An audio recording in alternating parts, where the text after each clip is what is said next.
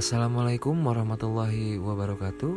Kembali lagi sama gue Ega di 92 Podcast.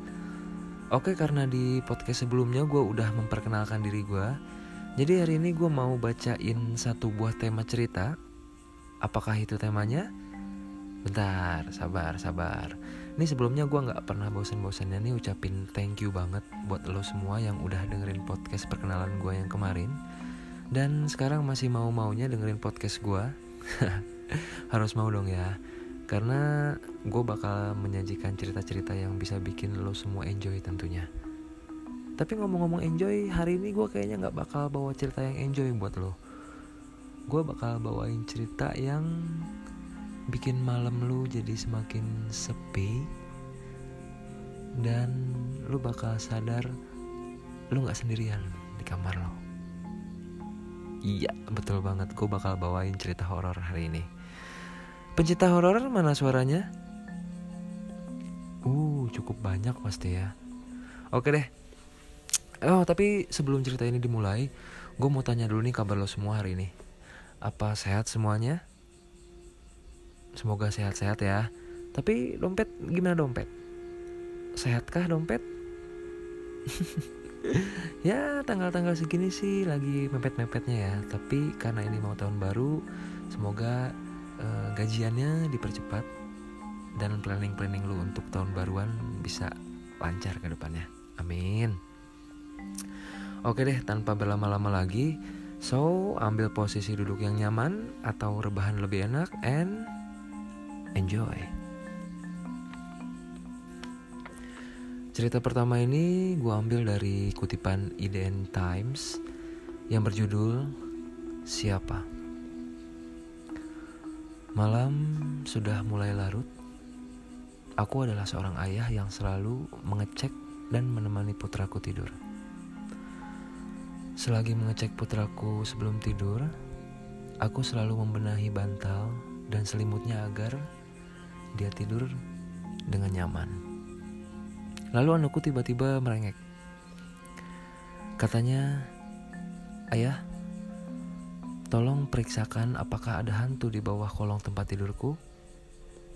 Lalu sambil tersenyum simpul, aku pun memenuhi permintaannya dan menengok ke bawah kolong tempat tidurnya. Di bawah kolong, aku menemukan sosok anakku. Anak yang mirip persis dengan bocah di atas tempat tidur. Dia sedang meringkuk dan memanggilku dari bawah sana sambil berbisik kepadaku dengan nada yang pelan dan sedikit bergetar. Ayah, tolong. Di atas tempat tidurku ada seseorang. Iya, oke, oke, oke, oke. Lu udah paham belum? Lu paham gak nih? Jadi, ya, aduh, di sini ada dua yang perlu, ada dua nih yang perlu uh, lo semua lakuin. Yang pertama lo perlu minta gue untuk ulangin cerita kalau lo belum paham atau pilihan yang kedua lo perlu lihat ada apa di bawah tempat tidur lo saat ini. Gue sih ngerasa anjir gitu. Ternyata terus yang ngomong siapa dong di atas tempat tidur gitu kan. Sedangkan anaknya lagi ketakutan tuh di bawah gitu di kolong tempat tidur Oke tadi ada motor sebentar nggak apa-apa iklan. Kalau gue jadi bapaknya sih gue ikutan masuk ke kolong kali ya. Itu tadi cerita yang pertama. Ya gue masih punya satu cerita lagi yaitu berjudul Charlie. Ini sama gue ngambil di Google juga. Jadi cerita-cerita gue emang uh, kutipan-kutipan ada yang dari luar dari orang-orang luar. Gue ambil terus gue bakal ceritain ke lo seperti yang saat ini gue lakuin. Ini cerita yang kedua judulnya Charlie.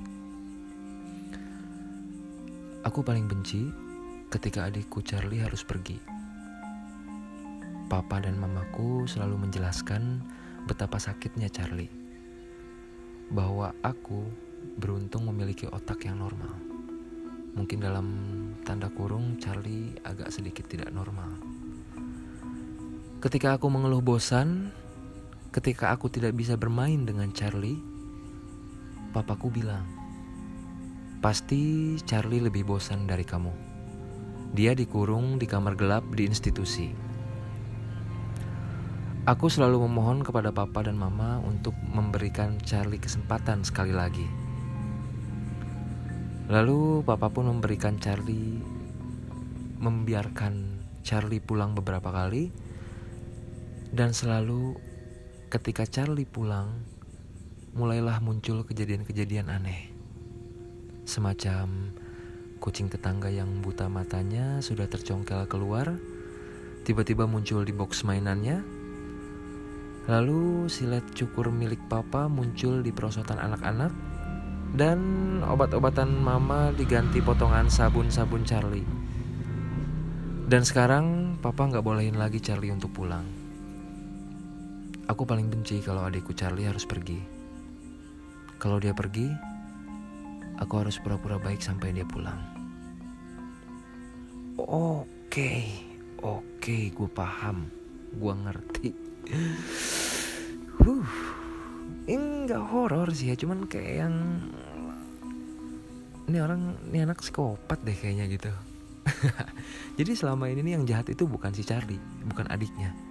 Jadi ternyata itu memang dia. Cuman dia tuh kayak balikin fakta gitu. Kayak uh, kalau si Charlie ada nih adik gue ada gue bisa bebas ngelakuin uh, sifat psikopat gue gitu. Tapi nanti orang tua gue bakal nunjuk kalau itu adik gue si Charlie. Oke okay, oke okay, oke. Okay. um, malam ini agak berat ya. Agak cukup tegang sih cukup tegang. Um, tapi podcast gue pada malam hari ini sih kayaknya segitu dulu aja ya. Sebenarnya masih banyak sih cerita cuman karena apa ya karena gue bakal bawain cerita horor yang lain lagi yang temanya lebih asik tentunya lebih di dalam negeri kali ya. Jadi kita langsung paham gitu.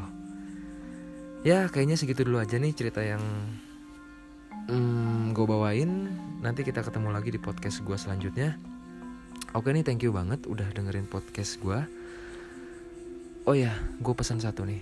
Sebelum tidur jangan lupa kunci kamar lo semua. Cek dulu kalau di bawah ranjang lo nggak ada siapa-siapa.